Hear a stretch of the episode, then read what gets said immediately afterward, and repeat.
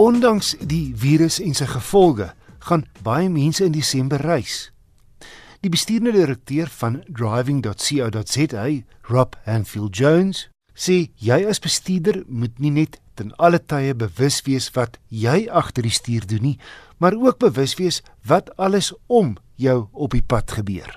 Dit is die basiese beginsel van verdedigende bestuur. Jy weet soos die woord sou voorstel, verdedig jy jouself teen foute wat jy dalk self kon gemaak het, foute wat ander mense maak en as die toestande waaronder jy bestuur sou verswak, jy weet swak lig, swak weer, swak padoppervlakte en dis meer. Dit is die hele beginsel van verdedigende veilige bestuur.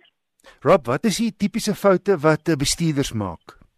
Kyk, as ons mense oplei, sien ons hoofsaaklik dat die foute wat hulle maak nie moetswillige foute is nie. Dis meer goed wat hulle nooit geleer is nie, want die die vaardigheidsstel wat 'n mens as jy jou rybewys toets gaan doen, is 'n baie eenvoudige basiese vaardigheidsstel. Nou die fout wat mense maak is hulle glo dat hulle nou 'n rybewys het en dit weet hulle alles wat te weet is van bestuur en dit is nie so nie. Ons sien tipies dat mense nie bewus is van die gevare wat by kruispaaie uh, kan ontstaan nie. Hulle weet nie wat is die veilige volgafstande vir die bepaalde toestande waaronder hulle ry en hoe om die, hulle volgafstand te meet nie. Hulle observasie voordat hulle van posisie op die pad verander is gewoonlik uh, ek wil nou nie sê afwesig nie, maar die meeste mense kyk nie behoorlik voordat hulle nie.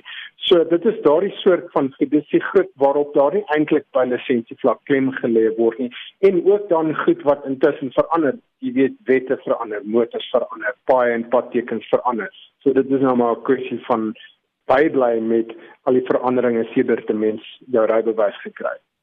Rob, ek wonder altyd mense wat nie hulle flikkerligte gebruik nie of hulle nalatig is of aspris is of lui is en of hulle net eenvoudig nie 'n rybewys het nie en uh, en nie weet hulle moet hulle flikkerlig op daai stadium gebruik nie.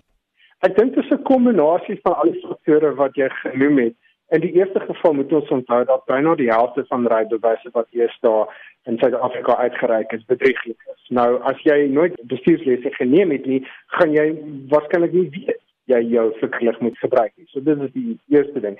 Die tweede ding is al die mense wat wel hulle rybewys op die regte manier bekom het, kan ek jou verseker het op daai dag wat hulle die toets geslaag het vir elke draai en baanverwisseling en wat alles nie, hulle flikkerlig gebruik. Maar dan begin hulle by sekere manoeuvres wonder of hulle die ding moet gebruik en dan begin hulle dit nie gebruik nie. Byvoorbeeld, as jy in die linkerbaan is en jy van 'n snelweg wil afgaan, is dit vir jou ontlig dat jy nie jou flikkerlig hoef, hoef te gebruik in die geval waar daar net een baan is en hy verlaat die snelweg? Want ja. waar kan jy anders heen gaan?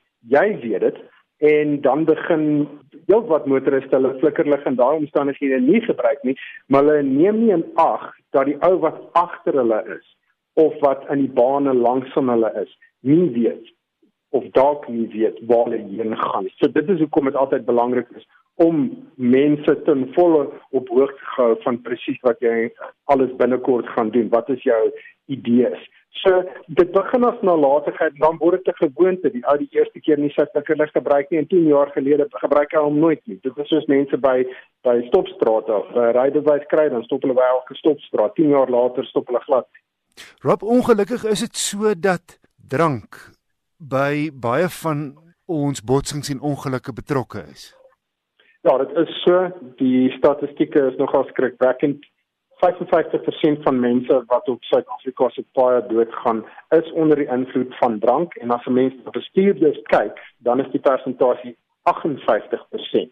En daai mense, dis nie 'n kwessie dat hulle gou-gou pad afgery kroeg toe vir 'n vinnige biertjie nie. Hulle gemiddelde bloedalkohol konsentrasie is om en by 4 keer hoër as wat die wettige perk is. So daai mense is nie hulle het nie een of twee biere gehad nie, hulle is dronk.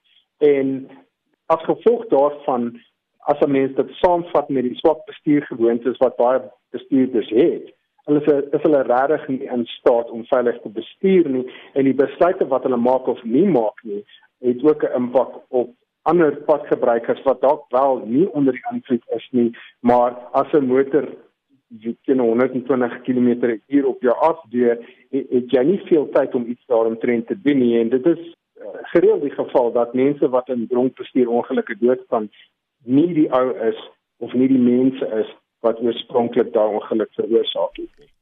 Rob, ongelukkig maak dit natuurlik ook nagbestuur gevaarlik hier in Suid-Afrika dit doen as 'n mens gaan kyk na die hoogste tydperk om te bestuur, is dit tussen 1 en 5 uur die oggend. Jy is nie net effe meer op risiko van 'n noodlottige botsing, jy is vier keer meer uh, op risiko teenoor ander tydperke van die dag.